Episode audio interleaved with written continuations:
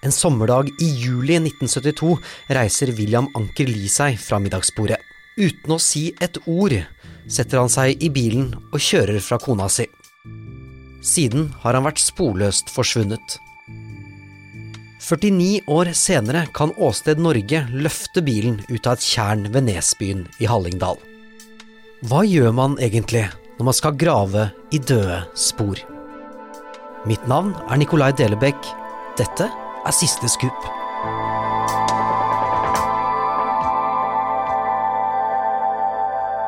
Utrolig hyggelig at du har satt på også denne episoden av uh, Siste Scoop. Det vitner jo om at uh, du liker det vi, uh, vi, lager, og det setter vi selvfølgelig veldig, veldig pris på. Denne podkasten er altså da ikke en shortlist eller en favorittliste eller whatnot til hvem som, hvem som vinner Scoop-prisen. Ikke for det, selvfølgelig kan jo også denne metoderapporten vinne, men, men det vi prøver på her, er å isolere ut Um, noe spesielt ved, ved, seks forskjellige metoderapporter, og så, og så ta for oss det, og kanskje prøve å lære litt av det. I dag så skal vi snakke om hva man gjør når man jobber med en sak som er gammel, altså cold cases, eh, hvor sporene eh, er gamle, sporene kanskje er døde, vitner kanskje har gått bort. Eh, hvor går man hen da? Hva, hva, gjør man da? Og vi har med oss Christian Ervik, som står bak saken Savnet i 49 år. Um, du jobber for Åsted Norge, Christian. Denne saken her, det er altså da en, um, en mann som, som, blir borte, rett og slett, fra en gård i Ski, der han er sommeren 1972. Han er der for å, for å jobbe, vel, eller han er der for å passe på Han er vel eh, Sammen med kona så er han på besøk på denne gården, da. Eh, fordi det er slektninger av kona som eier denne gården, og de eh, har dratt på ferie. Og de er der for å hjelpe til med drift av gården. da. Forpakter, eh, rett og slett? Ja, hjelpe til litt. Ja, Men så bestemmer han seg for at han skal ta seg en liten ferietur. Eh, fra denne forpakter, eh, forpaktertilværelsen så drar han opp og inn i naturen. De satt og spiste eh, på denne gården. Eh, spiste middag. Plutselig så reiser Anker Lie seg, William Anker Lie. Det er han reiser, som blir borte, ikke sant? Det er han som blir borte. Og han reiser seg fra bordet uten å si noe som helst. Og så går han ut, setter seg i bilen og kjører av gårde. Sier ikke ha det eller noen ting? Nei, han, eh, plutselig er han borte. Det, det er slik det er blitt fortalt. Og så blir han borte, rett og slett. Ingen hører noe mer fra han. Eh, politiet henlegger saken. Vi skal tilbake til hvorfor de eh, gjør det senere. Men så, 49 år senere, så kommer det en journalist fra Sunnmøre som jobber i, i Mastiff, og graver opp hele greia. Finner ut hva som har skjedd her. Ja, det, her, denne saken starta da med at jeg liker å følge forskjellige eh, forum på Facebook, eh, grupper. Eh, jeg jeg er ganske interessert i historie, da. Og det er jo ei gruppe som mange er medlem i, som heter Gamle bilder fra Oslo. Og i november 2019, hvis du husker riktig, så var det da nevøen til William Ankerli, altså han som blir savna da, han la ut et, et innlegg og han la ut et gammelt avisklipp fra helsida VG fra 19, sommeren 1972. Eh, hva skjedde med William Ankerli? Mm. Sporløst forsvunnet. Og da er det noe som rykker til hos eh, Christian Ervik eh, når han ser den? Ja, fordi det jeg tenkte da, eh, det er jo det at hva om Hvor har han blitt av? Det er jo det store spørsmålet. Og så er det denne bilen, da. Og i, vi har sett på mange andre savna-saker tidligere. Jeg og min kollega Asbjørn Hansen, som eh, tidligere drapsetterforsker i Kripos. Eh, vi har jo på en måte blitt et slags tospann, da. Eh, der vi har med våre forskjellige bakgrunner prøver å legge hodene sammen og se på gamle uoppklarte saker på nytt. Og, og så konkluderte vi med at vi må jo finne ut hva som har skjedd med denne bilen. Mm. For bilen her, altså han stikker, eller stikker av, sier jeg, men han drar i hvert fall fra denne middagen i en helt ny Opel, eller Vauxhall het det vel på den tiden der? Vauxhall, eh, ja. Eh, det var en 1971-modell Vauxhall Cresta. En stor, flott, hvit bil som Ut ifra det jeg har fått høre, så var ikke det så mange eksemplarer av den bilen der. Den var kjøpt ny hos en bilforhandler i Oslo året før. Det vil si at Og vi visste jo også at han eh, likte å pusse og gnikke og gnukke på denne bilen. Han var veldig, stolt av den, liksom? Han var stolt av den. Ja. Og det også ble et litt sånn sentralt eh, spor for oss, da, eh, denne bilen. Mm. Hvis han var så stolt av den, hva kunne han Har han kvitta seg med den, ikke sant. Ja, for det var ingen som hadde funnet denne bilen her. Altså Det er ikke bare uh, Li som er forsvunnet, bilen også har jo vært sporløst borte i 44 år. Ja, og det var jo det første vi måtte prøve å finne ut. Mm. Uh, men, men før ja. vi går der, jeg må bare, jeg må bare spørre deg Kristian, uh, før vi går inn på hvordan dere jobba dere frem. Hvis mm. Episoden ja. skal jo handle om ja. døde spor, mm. nær sagt, så vi skal inn på det. Men det er jo til enhver tid mellom 1400 og 1500 uoppklarte saker på folk som er borte i Norge. Hva var akkurat den saken var det som gjorde at liksom den, den blir det, liksom? Ja, altså eh, jeg tok jo kontakt med han nevøen, da. Eh, og han hadde jo vist allerede at han ønska svar. Mm. Uh, og det er veldig viktig òg, men altså, vi tar jo også opp saker der kanskje ikke folk har gått ut på ei Facebook-gruppe og bedt om hjelp. Men disse sakene som er så gamle, de tar ikke politiet. Den blir henlagt fordi at uh, politiet sier nei, men det er, det er, rett og slett for grunt til å kjøre mm. ut i, i trutetjern. Uh, Trytetjern. Trytetjern. William Ankerli han blir meldt savna av kona. Så vet hun at han har vært hjemme i leiligheta deres i Oslo etter han dro fra Ski, fordi hun snakka med han på telefon. Hun reiser til lensmannen i Ski og melder ektemannen savna. Men siden William Ankerli er bosatt i Oslo og han åpenbart var der sist, så blir denne saken da sendt videre til eh, kriminalpolitiet i Oslo, og avsnittet som da drev med Saknet-saker, som det het den gangen. Da starter de, eh, og første, noe av det første de gjør etter noen dager, da, det er å etterlyse han gjennom avisene, for de aner ikke hvor han kan ha vært. Og så går det da noen måneder, så er det han ene etterforskeren eh, på, eh, hos, som sitter på, eh, i, i Møllergata eh, hos politiet i Oslo. Han leser da Hallingdølen. Der biter han seg merke i en liten notis fra lensmannen i Nes. Og der står det at det er funnet en del campingutstyr ved Trytetjern, et mm. lite tjern, da, fjellvann like ved Nesbyen. Så begynner han å se på det, og så hm, ja, det er jo litt interessant, fordi øh, kan dette her være Ankerli sine gjenstander? Og så drar familien da til Ankerli opp til Nesbyen og ser på disse gjenstandene. Og da ser jo hun at jo da, dette her er radioen, den kunne de spore, den var kjøpt på Kjelsås Elektriske fire år tidligere, stemmer med serienummeret og kvitteringa, og hun hadde laga syltetøyet som sto på bordet der, så det var liksom ingen tvil, da. Nei. Da sentrerer jo politiet seg rundt, hm, han har jo vært her. Men det er bare to vitner som dukker opp.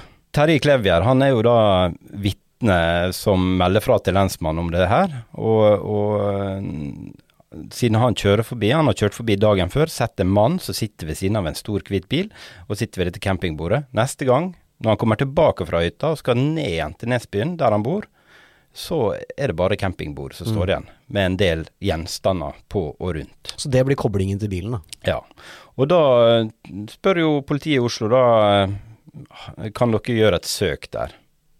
Og når de begynner å bli bedt om å lete, da, lensmannen i Nesbyen eh, blir bedt om å Kanskje du ta en sveip oppe ved Trytetjern og fjellveiene rundt, se om det er noe der. Og da eh, finner jo han ingen spor. Og så konkluderer han med at Men han har iallfall ikke kjørt ut i vannet der, for der er det for grunt.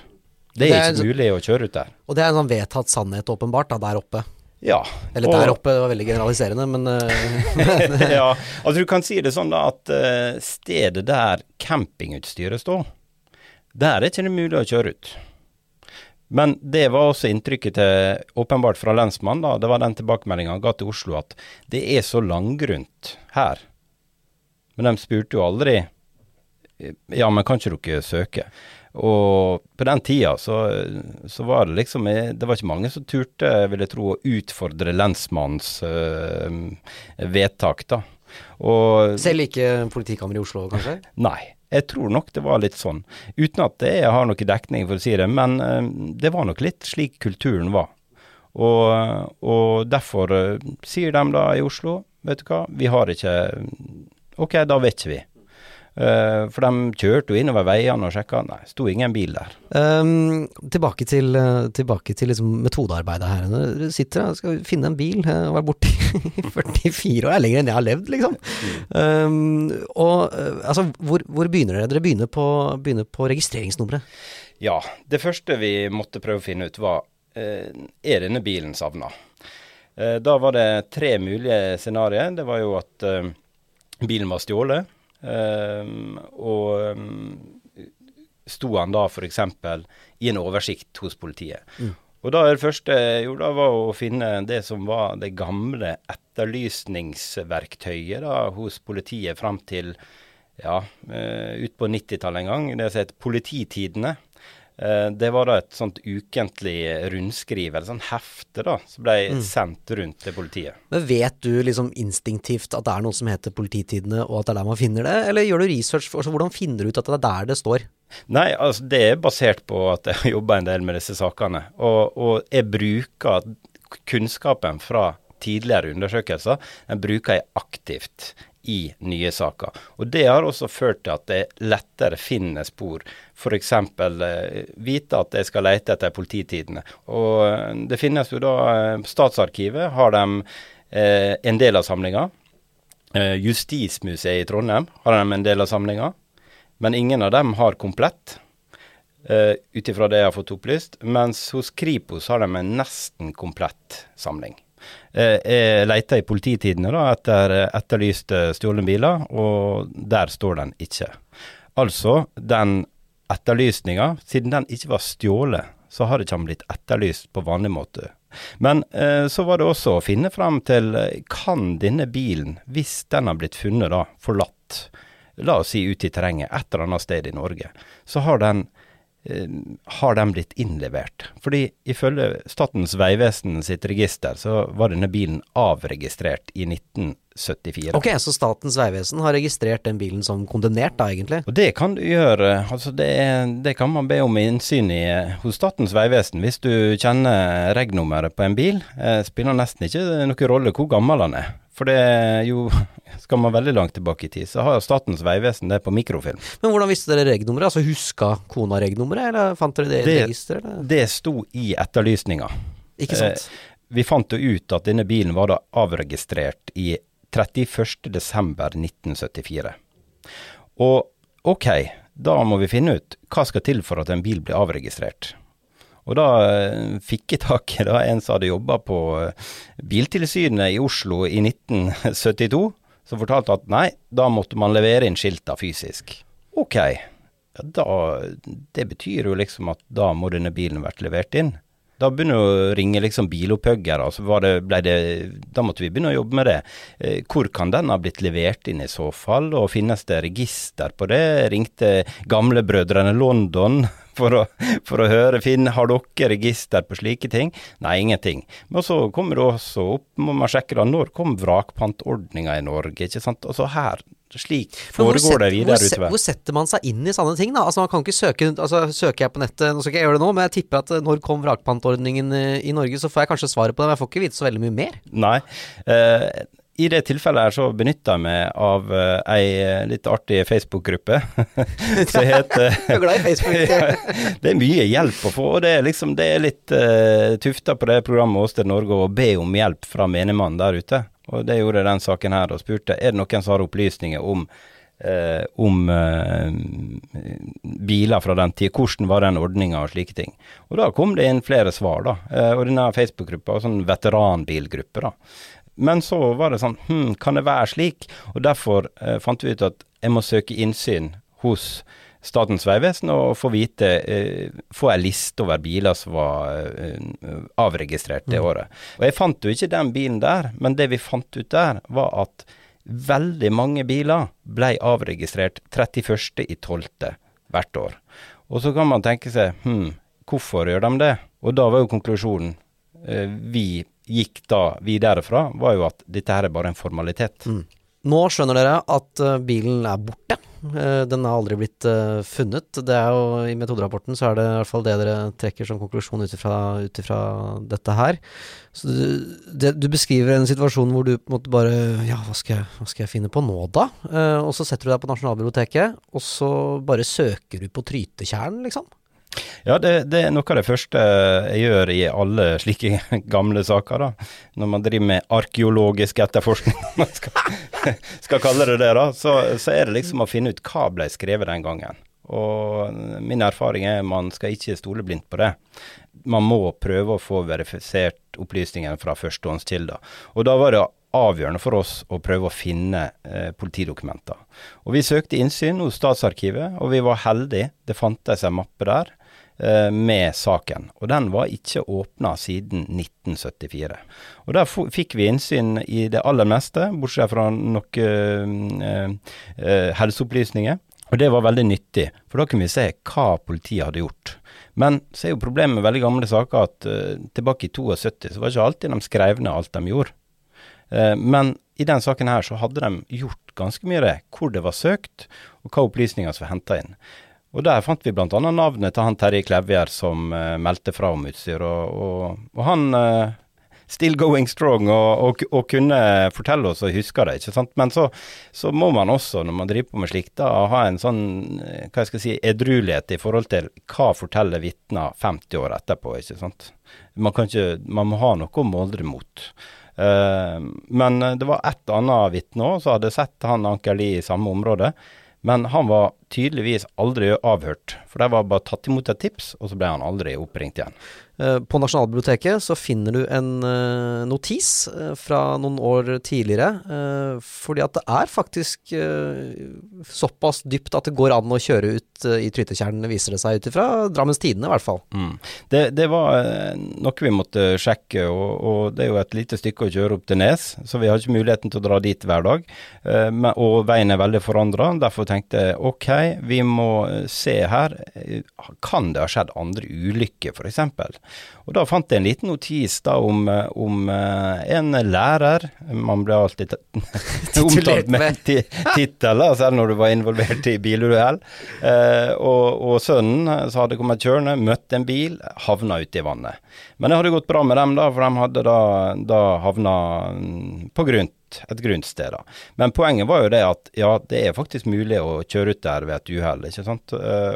Og fordi veien var trang. Og det var litt det jeg skulle fram til. da, kunne det kunne han ha kjørt av veien, f.eks., ved et uhell. Mm. Og da hadde dere også uh, vært og sjekka et annet vann, Buvann, som, hvor han Terje Klevjer, vel, som hadde tipsa dere om at det kunne være det, i kombinasjon med gamle, og det her hadde dere jo kjempeflaks, med gamle bilder av området flybilder som ble tatt samme dagen som Li blir, eh, blir, borte, hvor dere kan se på alle disse veiene, hvordan de mm. snirkler seg osv. Så, videre. så viser det seg at det er ikke noe i, i Buvan for hjelp til å søke.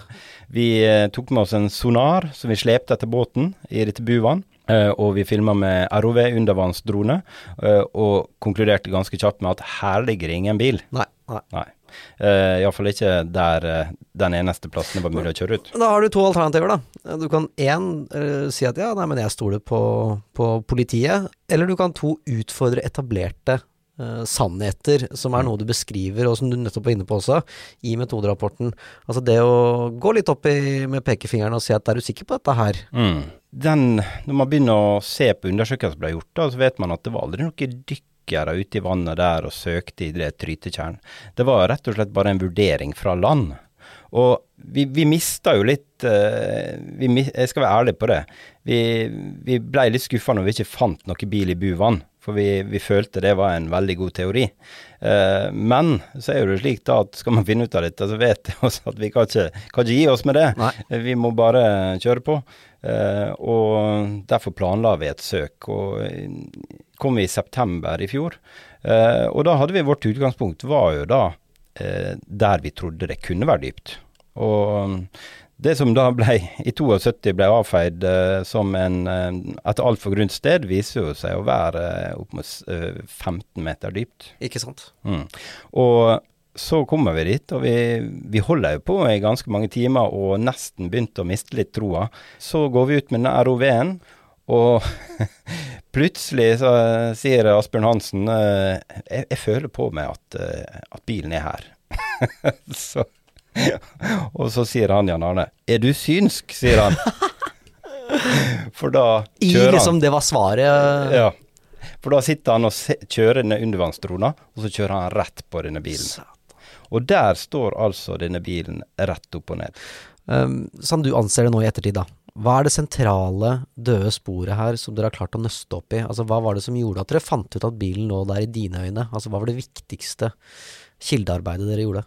Det som var avgjørende for å få førstehåndsopplysninger om saken, det var nok eh, innsynet i politidokumenter. Men er de, er de strukturerte godt nok? Ja, så det, det, er jo med et sånt påtegningsark på begynnelsen, som det heter, der man får en oversikt over alt som er henta inn og hva som finnes der. Og, men så er det liksom, det er jo et problem med en del savna-saker, er at de aller fleste savna-saker de bare dør ut etter hvert. Og det er også i nyere saker. Så at det, til slutt så får politiet andre oppgaver, og så blir saken glemt. I starten av metoderapporten så skriver du at dere tømmer papirsporet. Uh, er det litt det du er inne på nå? Hente ut alt som har med politikilder, alt som har med Du var også inne på polititidene, uh, mm. Statens vegvesen. Er det, er det, det som ligger i det? Er det mer? Egentlig alt. Altså, det er alt fra gamle avisartikler, eh, politidokument, uh, opplysning om bilen fra offentlige myndigheter som Statens vegvesen. Vognkortet, mm. ikke sant. Hva farge var det på bilen? Eller det visste vi, da. Men uh, hvor mye veide han? ikke sant? Hvor langt kunne han gått? Altså det, det, er veldig mye informasjon man kan finne ut. Og har man henta ut alt, så kan man begynne å sette denne informasjonen sammen. Mm. Ikke sant? Akkurat som jeg snakka det her med, med Man kan ikke stole blindt på det som sto i avisene heller når du sitter da og tømt papirsporet, det ville vært naturlig for oss som ikke jobber så mye med døde spor, uh, å hente inn uh, sitater fra kilder som er omtalt, altså førstehåndskilder. Men nå møter jo dere masse kilder og døde spor hvor også kilden til sporet, på en måte, altså hvor de som er intervjuet, ikke eksisterer lenger. Mm. Hva gjør man da? Eh, et eksempel er å prøve f.eks. å finne ut eh, La oss si det var et vitne i en sak da, for i 72. Eh, kunne man kanskje få tak i Har han en sønn eller datter som han kanskje kunne fortalt ting fra? Det har jeg gjort i andre saker, og prøvd å nøste. Hvorfor meldte de fra om dette? Har de snakka om det? ikke sant? Altså, det kan være utfyllende opplysninger. Det er jo en, måte, ikke sant, og, og hele tida Men så må man også stole på det som ble sagt, da. Men man må stole på det, kanskje det første som ble sagt, ikke sant. Gjerne til politiet. Er det nedtegnet en mm. Uh, I stedet for kanskje Jeg har jo hatt eksempel på saker der uh, en har sagt forskjellige ting til uh, tre forskjellige aviser. Ikke sant? Hva skal du stole på da? Selv med vitner som lever da 50 år etter. Det er ikke sikkert at de husker riktig. Kanskje de husker feil farge på bilen. Det har jeg også opplevd. Men derfor er det veldig greit at skal jeg prøve å finne nye opplysninger med f.eks. vitner som fortsatt er i live, så bruker jeg på en måte den gamle politidokumenten som en rettesnor. Men jeg gir jo ikke dem de opplysningene først, men jeg hører først hva er det de forteller. Og så kan jeg eventuelt spørre om andre ting, ikke sant. Fordi så kan du tenke deg, hvorfor er det folk husker hva de gjorde en dag for 50 år siden? Ofte, sånn som det tilfellet her, han Terje Klevjer, han husker jo dette her, for det er kanskje eneste gangen han har varsla politiet om en sak. Det var noe som gjorde inntrykk på han. Og da kan man spørre om eh, ja, hva, altså følelsene, hva, hva følelse fikk du? Altså det er kanskje noe folk husker, da. Helt på slutten her, Kristian. Det, uh, det, er jo helt sikkert veldig mange som lar seg inspirere av arbeidet ditt. Hvis det er journalister som hører det her, uh, og som ønsker å komme i gang med å jobbe med dette her, hvordan bør man gå frem én for å lære hvilke metoder man skal bruke, og to, hvilke metoder bør man bruke når man er fersk? Først og fremst er jo det å, å finne ut hva, hva sak er det man vil se på. ikke sant? Det er veldig mange savna saker i Norge. Så du sa innledningsvis at det er mellom 1400 og 1500. Eh, som ikke er oppklart? Da. Som ikke er oppklart, og veldig mange av dem er forsvunnet på sjøen og, og slike ting. Da. Men eh, det er jo eh, uoppklarte saker som ligger der, sant? som eh, man må finne ut. Og det er veldig spennende å få det innsynet i disse sakene, for eh, gamle saker er det er ikke det så vanskelig å få innsyn i. Eh, fordi de eh, ikke lenger er, i like stor grad eh, eh hva jeg skal si, bevokta av mm. eh, taushetsplikten. da. Eh, å finne ut det, og også sette seg ned, finne all mulig informasjon. Lese avisomtaler fra den gangen, og, og, liksom danne seg et bilde. da. Hva slags sak er dette her? Hvilke databaser tenker du er mest sentrale? Altså Personlig så bruker jeg veldig mye Nasjonalbiblioteket, og det er fantastisk verktøy. fordi det er jo også, slik vi har, på en måte har vært veldig viktig for å løse de sakene vi har gjort, er jo er jo eh, ved å bruke det. For da kan du sette sammen opplysninger. ikke sant? Jeg vet ikke hvor mange timer jeg har sittet og lest gamle avisartikler fra, eh, fra Norge. Eh, langt tilbake i tid, helt tilbake til 30-tallet. Men du kan søke, du kan legge inn søkeord, og så kan du få helt retta treff. Denne, denne, saken, denne serien, kan du se på TV2 Sumo. Uh, TV2 Play, unnskyld, mm. heter det jo selvfølgelig nå. Uh, den ble lagt ut på Åsted Norge høsten 2021. Kristian Ervik, tusen takk for at du var med oss.